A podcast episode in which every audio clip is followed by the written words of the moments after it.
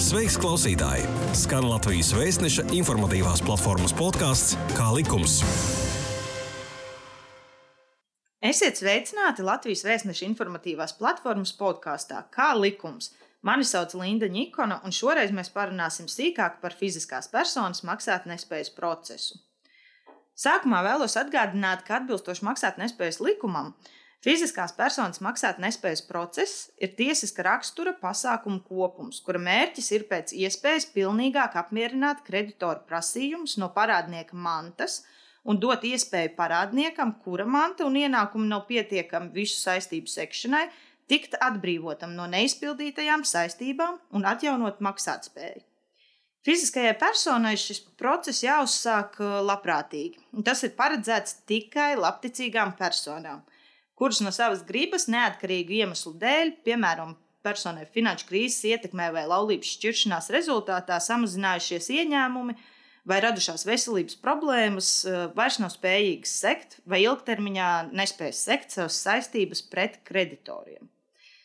Lai šis sarežģītais process būtu kaut vai nedaudz vieglāk izprotams, uz sarunu esmu aicinājusi maksātnespējas kontrolas dienesta pirmā uzraudzības departamenta direktori Agnesi Gabužu. Labdien!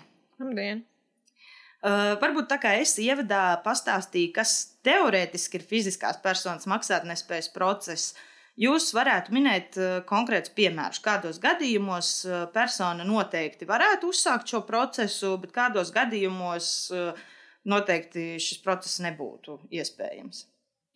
Nu jā, tā tad, principā, procesa piemērojamība izriet jau no tās definīcijas, ko jūs minējāt. Personai ir uh, uh, problēmas nokārtot savas finansiālās uh, saistības. Nu, likums mums izvirza konkrētus kritērijus. Uh, Bet, nu, tāpēc būtības, ja mēs runājam, tad uh, ir, ir tas nu, diezgan klasisks piemērs, ir šis jūsu minētais uh, par nespēju vairs sekt savu hipotekāro kredītu, kas ir uh, ņemts mājokļu iegādē. Nu, tur tie piemēri ir visdažādākie. Uh, Uh, ir laulāts pāris šķiršanās rezultātā.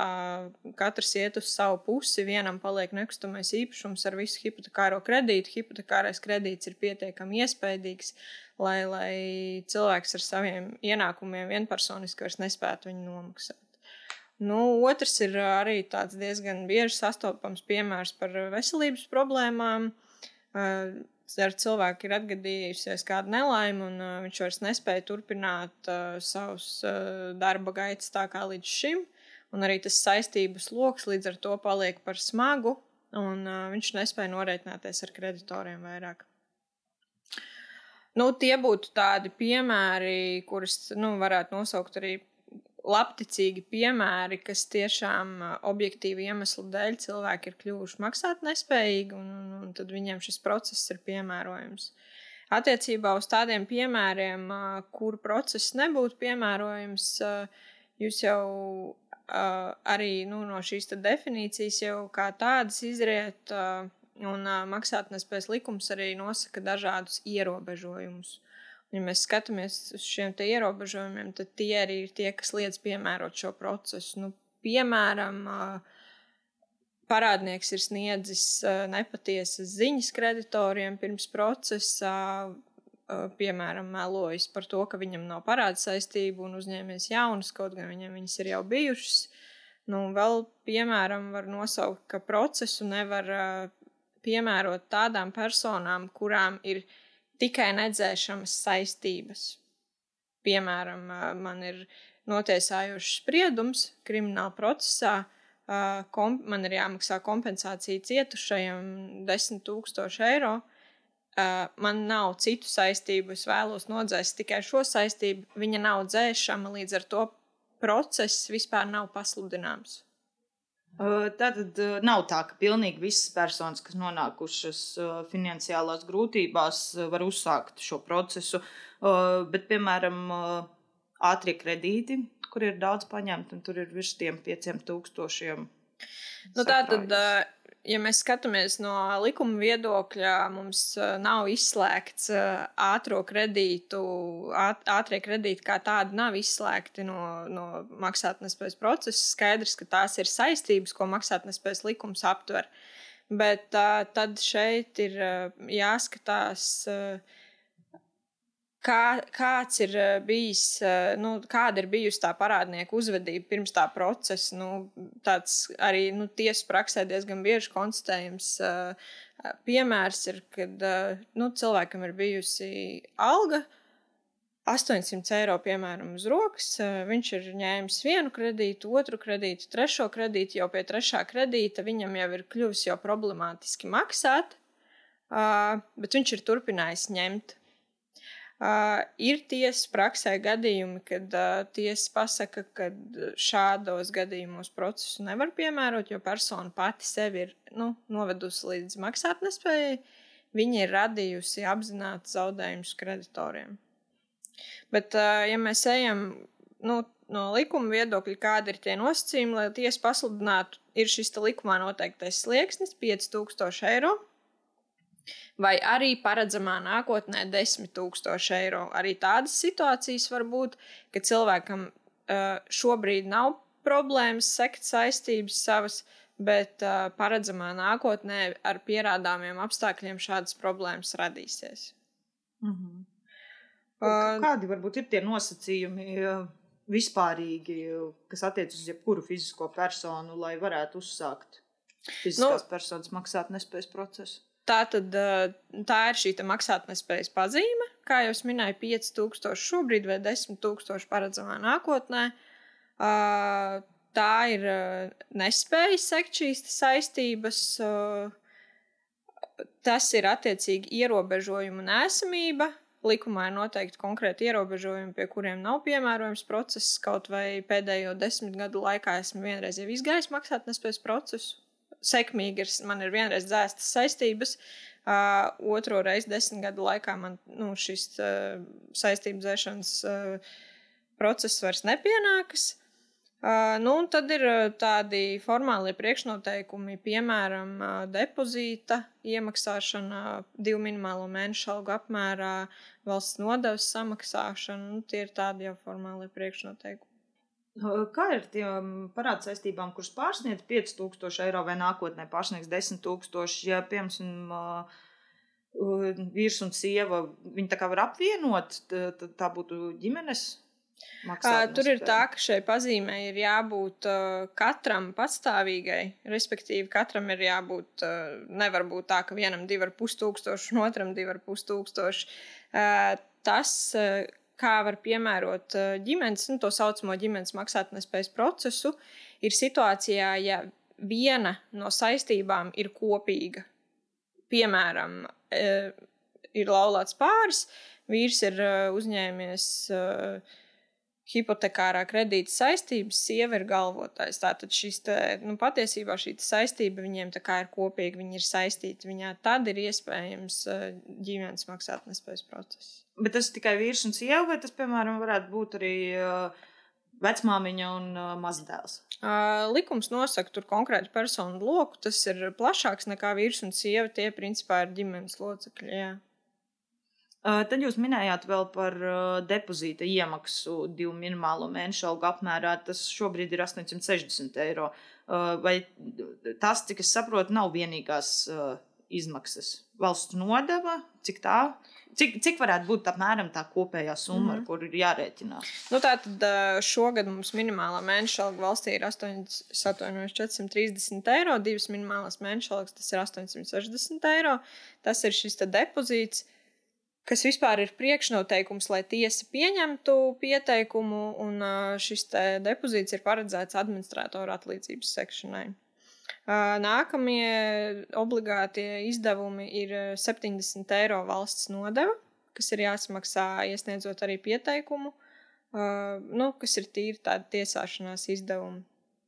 Tas ir obligāti, bet ir jāņem vērā, ka jebkurai fiziskajai personai, kura vēlas iziet maksātnespējas procesu, pašai šis process ir jāfinansē. Tas nozīmē to, ka jebkuras izmaksas, kas radīsies maksātnespējas procesā, administratoram, uh, administrējot šo procesu, arī būs jāsadz pašai šai fiziskajai personai.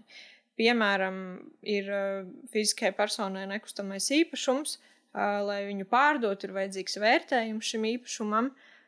Uh, teorētiski šīs te izmaksas, kas ir uh, nepieciešamas vērtējumam, ir sedzamas no, no, no šī nekustamā īpašuma pārdošanas rezultātā iegūtiem līdzekļiem. Bet uh, faktiski mēs saprotam, ka šie līdzekļi tiks iegūti tikai pēc pārdošanas, bet uh, tas vērtējums ir vajadzīgs jau pirms pārdošanas. Un tātad šis vērtējums uh, fiziskajai personai ir pienākums sekt šos izdevumus arī par vērtējumu. Tas ir tikai viens no piemēriem. Tāpat ir dažādi pasta izdevumi, kas administratoram rodas, lai administrētu procesu. Ir dažādas izziņas, kas ir jāiegūst no reģistriem, kas arī maksā naudu lielā daļā. Nu, šādas administratīvās izmaksas, kas skaitās nu, likumā nodefinētas kā tiešās maksātnespējas procesa izmaksas, tās visas arī sedz parādnieks.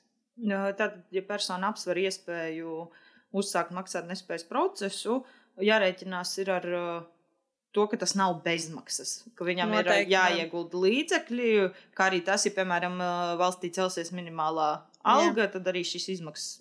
Jā, ja minimālā alga celsies piemēram uz 500 eiro, tad ir jārēķinās, ka uh, depozīta apmērs būs jau 1000 eiro.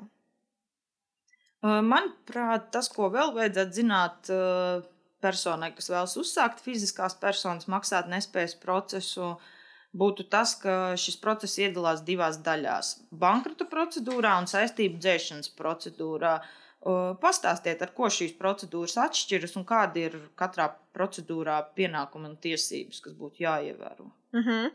Tā tad, jā, likums tiešām paredz, ka fiziskās personas maksātnespējas process tiek iedalīts bankrota procedūrā un saistību dzēšanas procedūrā, kuras norit secīgi viena pēc otras. Ja mēs tā skatāmies, tad bankrota procedūra ir nu, paralēlēs valkot ļoti līdzīga ar juridiskās personas maksātnespējas procesu. Šajā bankrota procedūrā tiek realizēta, nu, tas ir pārdota visa parādnieka manta administrators izvērtē parādnieka slēgtos darījumus, ja tādi ir bijuši pirms maksātnespējas procesa, apstrīd šos darījumus, ja tas ir nepieciešams. Nu, veids tādas visa veida darbības jau ar parādnieka mantu. Un tad no šiem mantas pārdošanas un atgūšanas rezultātā iegūtajiem līdzekļiem viņš sedz kreditoru prasījumus. Kas ir parādnieka pienākumi bankrota procedūras laikā, tas noteikti ir sadarboties ar administratoru, sekt maksātnespējas procesa izmaksas, nodot administratoram viņa rīcībā visu savu mantu. Ir iespējams vienošanās uh, paturēt šo īpašumu, bet, bet, ja mēs pieņemam, ka šīs vienošanās nav, ja man ir automobīls, man šis automobīls ir jānodod administratoram un jāļauj viņu pārdot. Uh, un visā maksātnespējas procesa laikā uh, gan bankrota procedūrā, gan saistību dzēšanas procedūrā parādnieku pienākums ir gūt ienākumus atbilstoši savām spējām. Tātad sadarbošanās, ienākumu gūšana, izmaksu sekšana, mantas nodošana administratoram. Tad, kad bankrota procedūra tiek pabeigta, pirms bankrota procedūras pabeigšanas parādniekam ir pienākums pašam izstrādāt arī saistību dzēšanas plānu, ko tiesa apstiprina tad, kad pasludina saistību dzēšanas procedūru. Ja? Un kas tad ir saistību dzēšanas procedūra? Tas ir noteikts laika periods, kas ir atkarīgs, kura ilgums ir atkarīgs no atlikušajām saistībām. Kura laikā parādnieks pilda saistību dzēšanas plānu, ko tiesa ir apstiprinājusi. Faktiski katru mēnesi kreditoriem maksā vienu trešdaļu no saviem ienākumiem. Uh, arī šajā saistību dzēšanas uh, procedūras laikā parādniekam ir pienākums uh, gūt ienākumus atbilstoši savām spējām, uh, sadarboties ar administratoru. Nu, tie pienākumi bankrota un saistību dzēšanas procedūras laikā ir diezgan līdzīgi. Tikai tas, ka ir šis pienākums pildīt saistību dzēšanas plānu. Un, uh, nu, jāņem vērā tas, ka ja, nu, kā jau teicu, ja, ja tas bankrota procedūra ir tāda nu, diezgan līdzīga juridiskās personas maksātnespējas procesam pēc savas būtības, tā ir tāda mantas realizācija, tad saistību dzēšanas procedūrai ir arī tāds audzinoša rakstura, uh, audzinoša rakstura tāds pasākums, uh, jo viņš šī procedūra nu, liek personai disciplinēties. Viņai katru mēnesi ir, jā, ir, ir jāmaksā kreditoriem daļa savu ienākumu. Viņa bez administratora atļaujas nedrīkst uzņemties jaunas parāda saistības. Nu, tam procesam ir jābūt tādam diezgan disciplinētam, ne par velti. Samērā daudz personas, tie ir apmēram 30% no visiem maksātnespējas procesiem, izbeidzas ar saistību nedzēšanu, un šis lielais klupšanas akmens ir tieši saistību dzēšanas procedūra, uh, kur personas vai nu noslēpj kaut kādus savus ienākumus, kas pēc tam atklājās, vai uzņemās kaut kādas jaunas saistības, uh, ko nedrīkstēja darīt. Nu, tā tad tā finanšu pratība nav tāda pietiekami disciplinēta. Un, nu, tas ir tās procedūras mhm. mērķis - cilvēku disciplinēt nedaudz. Jā, bet, piemēram, jūs minējāt, nu, sanāk negodprātīgi nepaziņo, ka, piemēram, darbs labāks parādījies, augstāk, vairāk ienākumu ir. Bet kā ir, ja otrādāk, ja saistību dzēšanas procedūrā, uh, procedūras laikā viņš zaudē darbu, tad automātiski arī viņam nu, netiks uh, sektas tā. Tas saistības. Nē, regulējums nav, nav tik bārgs. Maksātnespējas likumā ir paredzēts parādnieku tiesības vērsties tiesā ar pieteikumu. Uh, lūgt uh, atlikt maksājumus, ja nemaldos, pus, pusgadu. Uh, ja parādnieks objektīvi iemeslu dēļ mm -hmm. nespēja nokārtot savas saistības, tātad, ja es pazaudēju darbu, es saprotu, ka man ienākumi ir tādi, ka es nespēju šo plānu pildīt, es vēršos tiesā, man tas gan pirms tam jāsaskaņo ar kreditoriem. Uh, un, un, un lūdzu šo plānu izpildi atlikt. Bet uh, skaidrs, ka man ir jāmēģina, es nevaru vienkārši tagad sēdēt mājās un, un neko nedarīt. Uh, man ir jāmēģina atrast darbu un atrast darbu atbilstoši savām spējām. Kā likums? Kā likums? Jā, tu klausies Latvijas Vēstneša informatīvās platformas podkāstu Kā likums? Runājot par bankrota procedūru, ja parādniekam uh, nav piederošas mantas, ne nekustamā īpašuma, ne kustamā īpašumā, un viņam nav iespējas novirzīt noteikts līdzekļus, tad Uh, jā, jā, jā nu, protams, nu, es gribētu teikt, ka lielākajai daļai cilvēki, kuri iziet fiziskās personas maksātnespējas procesu, arī nav tādas reāli realizējamas mantas, kā mēs, piemēram, uh, nekustamais īpašums, tāpat automašīna, nu, kas ir tādi diezgan lieli īpašumi. Uh, tad administrators sastāda ziņojumu par manas nesamību, un uh, šī bankrota procedūra norit, bet viņa norit uh, ātrāk. Un mēs jau, nu, ja, ja mums bankrota procedūrai vajadzētu ilgt sešus mēnešus, tad, ja nav ko pārdot, nu, tie ir pāris mēneši, un mēs jau ejam pie saistību dzēšanas procedūras. Mm -hmm. Bet šis pienākums, gūt ienākumus atbilstoši savām spējām, viņš ir gan bankrota procedūrā, gan saistību dzēšanas procedūrā. Jo jāņem vērā tas, ka fiziskās personas maksātnespējas process nav sociāls instruments. Tas ir tāds instruments, kas ekonomiski aktīvām un motivētām personām palīdz atgriezties ekonomiskajā apritē. Tādēļ arī tas process nav nelēts, nepavēlti, viņš ir samērā sarežģīts.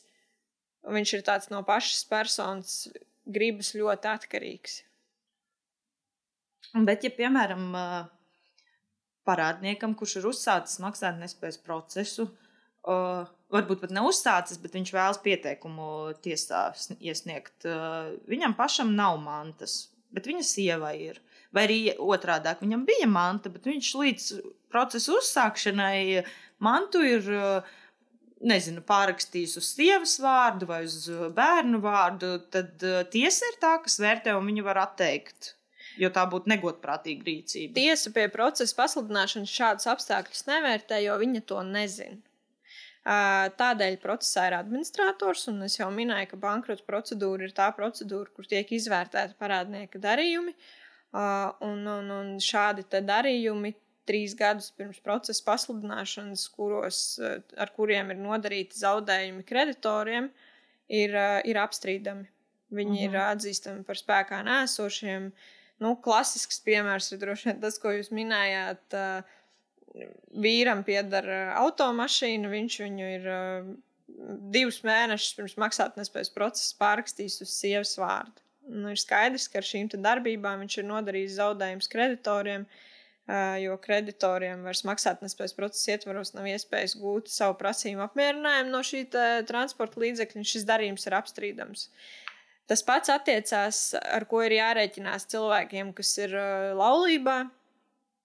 Ja vīram ir maksātnespējas process un uh, ir laulības laikā iegādāta manta, kas skaitās kā kopmanta, maksātnespējas procesā administratoram ir tiesības uz pusi no šīs mantas ja vīrs un sieva ir nopirkuši dzīvokli laulības laikā un nav līguma par mantas šķirtību vai citi juridiski apsvērumi, tad, tad, tad puse no šī dzīvokļa ir vīra manta. Jūs jau laikam minējāt, bet varbūt vēl var uzsvērt, vairāk pastāstīt par tām divām trešdaļām no saviem ienākumiem. Tas attiecas arī gan uz saistību dzēšanas procedūru, gan uz uh, bankrota procedūru.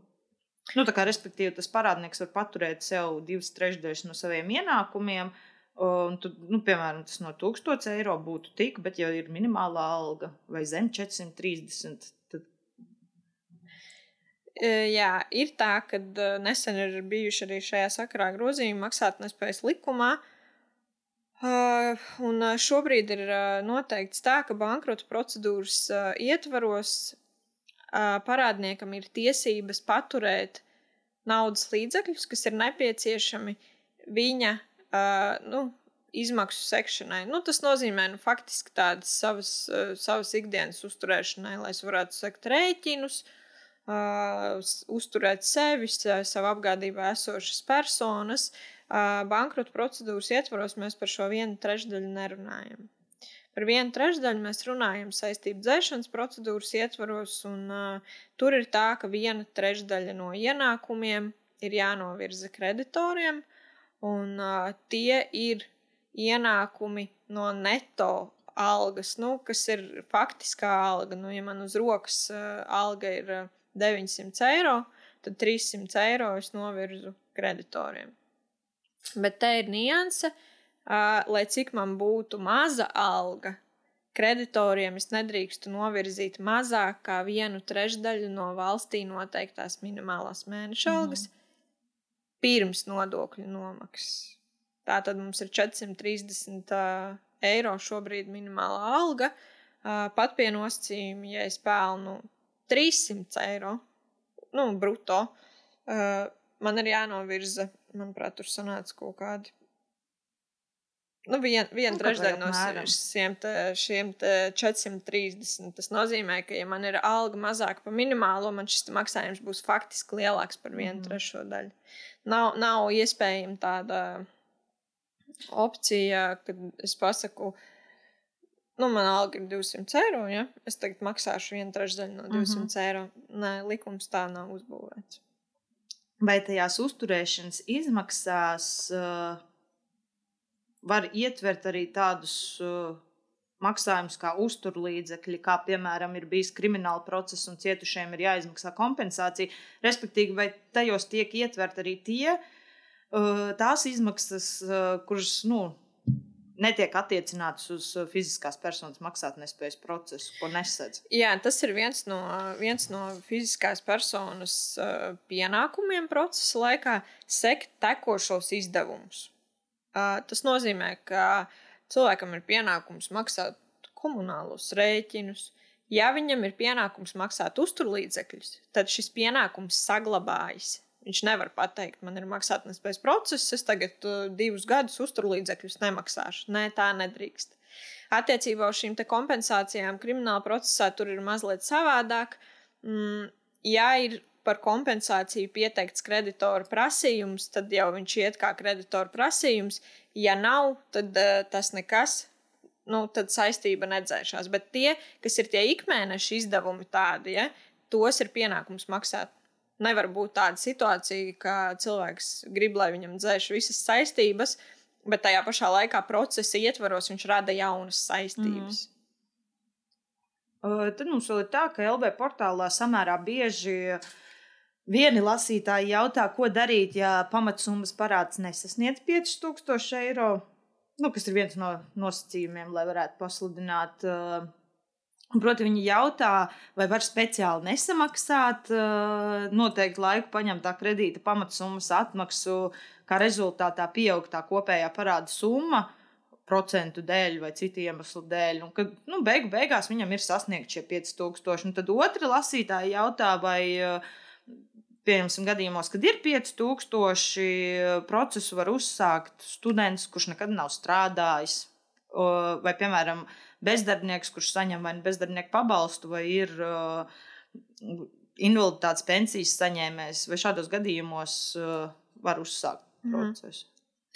Nu, tā tad uh, secīgi par to soda procentu uzkrāšanu uh, ir tā, ka uh, pie fiziskās personas maksātnespējas procesa uh, likums saka saistības uh, virs 5000. Tur nav izšķirts, vai tas ir pamatparāds, vai tie jau ir nokavējumi procenti. Tātad šādas nianses nav izšķirtas. Uh, ir pateikts saistības. Tas nozīmē, ka, jā, ja man ir uh, pamatparāds 4000 un procenti jau ir 1000, nu, tad, tad kopā tas ir jau 5000.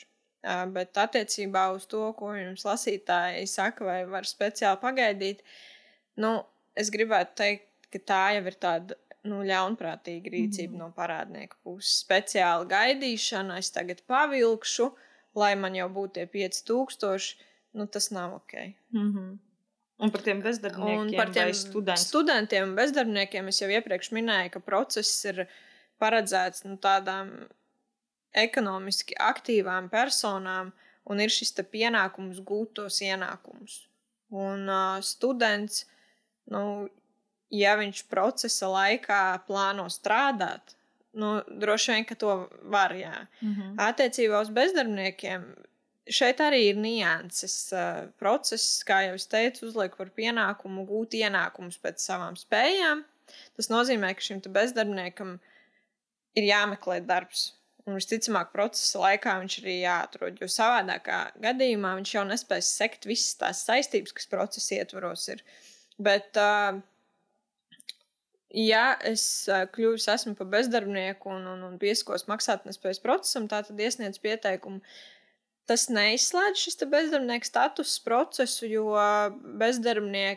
jo, jo cilvēks saņem bezdarbnieka pabalstu, un šis pabalsts ir veidojies no, no tādām sociālajām iemaksām, uh, kas par viņu ir maksāts, jo viņš ir strādājis. Mm -hmm. nu, tā tad kaut kādu laiku brīdi viņam tie ienākumi ir. Uh, bet viņam ir jāizrāda tā aktivitāte un darbs ir jāmeklē. Attiecībā uz invaliditātes pensiju tur ir jārunā par katru gadījumu atsevišķi. Tur tādas viennozīmīgas atbildes man nebūs. Mm -hmm. Nesen maksātnespējas kontrolas dienests informēja, ka veiktajās klātienes pārbaudēs maksātnespējas procesa administratoru, kā arī tiesiskā aizsardzības procesa uzraugošo personu prakses vietās 2020. gadā konstatēto pārkāpumu skaits salīdzinot ar iepriekšējo gadu nedaudz ir samazinājies. Tomēr joprojām uh, dienests 78% gadījumā konstatēs pārkāpumus, no kuriem vairāk nekā puse ir būtiski pārkāpumi. Vai šie pārkāpumi tiek konstatēti arī fiziskās personas maksātnespējas procesā, vai tomēr vairāk juridiskās personas maksātnespējas procesā? Un, un kā īsti saprast šo vārdu savienojumu būtiski pārkāpumi? Uh -huh. Uh, nu, tad, tad droši vien jāiezīmē, ka iestāde nu, plānojot savus uzraudzības pasākumus, eh, tomēr šobrīd tādu lielāku koncentrāciju uh, liek uz juridiskās personas maksātnespējas procesiem. Līdz ar to tas pārkāpumu īpatsvars, kas ir konstatēts, ir tiešām vairāk juridiskās personas procesos, bet Uh, ir gadījumi arī, kad fiziskās personas maksātnespējas procesā ir konstatēta pārkāpuma, tostarp arī būtiski pārkāpumi.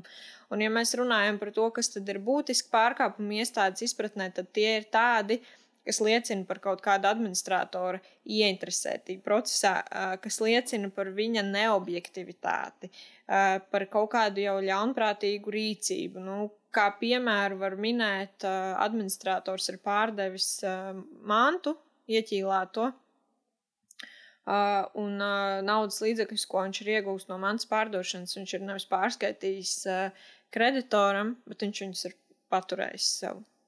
Vai arī, kā piemēru, var minēt, kad ir šie gadījumi, kad parādnieks pirms procesa ir nobēdzinājis kaut kur savu mantu, nu, pārrakstījis sievai, bērniem, nu, tur tādi klasiski piemēri, un administrators uz šiem apstākļiem ir pievērsis acis un nav šos darījumus izvērtējis. Tas nu, liek domāt, ka viņš nav, nevis liek domāt, bet nu, kas liecina par to, ka viņš nav objektīvs procesā.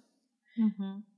Un tad varbūt nobeigumā. Uh, varētu izstāstīt, kas ir fiziskas personas maksātnespējas procesa pats sākuma punkts. Uh, mm. Kā es saprotu, tas ir pieteikuma tiesā iesniegšana. Uh, Un kāda ir šī izskatīšanas kārtība, ar ko sāk, kur, kur ir jāiesniedz, uh, kam? Mm -hmm. Tā tad, jā, pieteikumu iesniegšanas kārtību regulē civil procesa likums.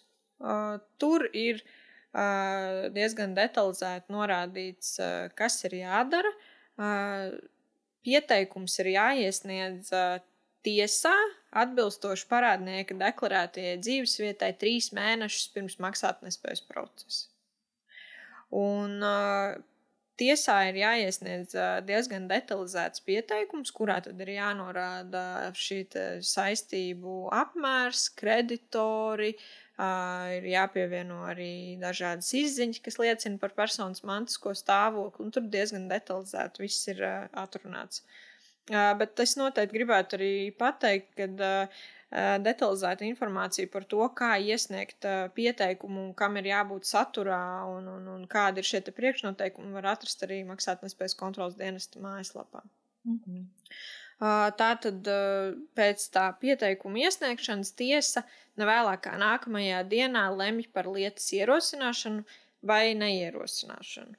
Tad viņi tā kā diezgan ātri sanāk. Jā, izskatu. jā viss šis maksātnespējas process tiesā ir tāds termiņos diezgan reglamentēts un viss notiek samērā ātri no tiesas puses. Un tad uh, tiesa ierosina lietu, uh, un tad ir septiņu dienu termiņš, kurā viņai ir pienākums lemt vai nu par procesa pasludināšanu, vai nu par pieteikumu noraidīšanu. Nu, pieteikumu tiesa noraida, piemēram, ja nav šīs pazīmes, ko mēs runājam, vai, vai pastāv kaut kādi ierobežojumi personai, tad, tad tādā gadījumā tiek noraidīts pieteikums. Vai, piemēram, nav samaksāts depozīts. Ja?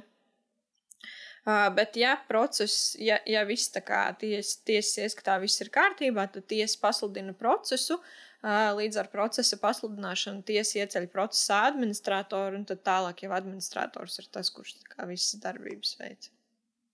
Lielas jums paldies par sarunu! Klausītājiem atgādinu, ka šodien kopā ar jums bija maksātnespējas kontrolas dienesta pirmā uzraudzības departamenta direktore Agnese Gabuža un LV portāla nozares redaktore Linda Ņikona. Šī bija iknedēļas pusstunda kopā ar oficiālā izdevēja Latvijas vēstneses informatīvās platformas podkāstu Kā likums. Pastāsti citiem, ja bija noderīgi un interesanti. Kā likums, tiekamies ik trešdienu!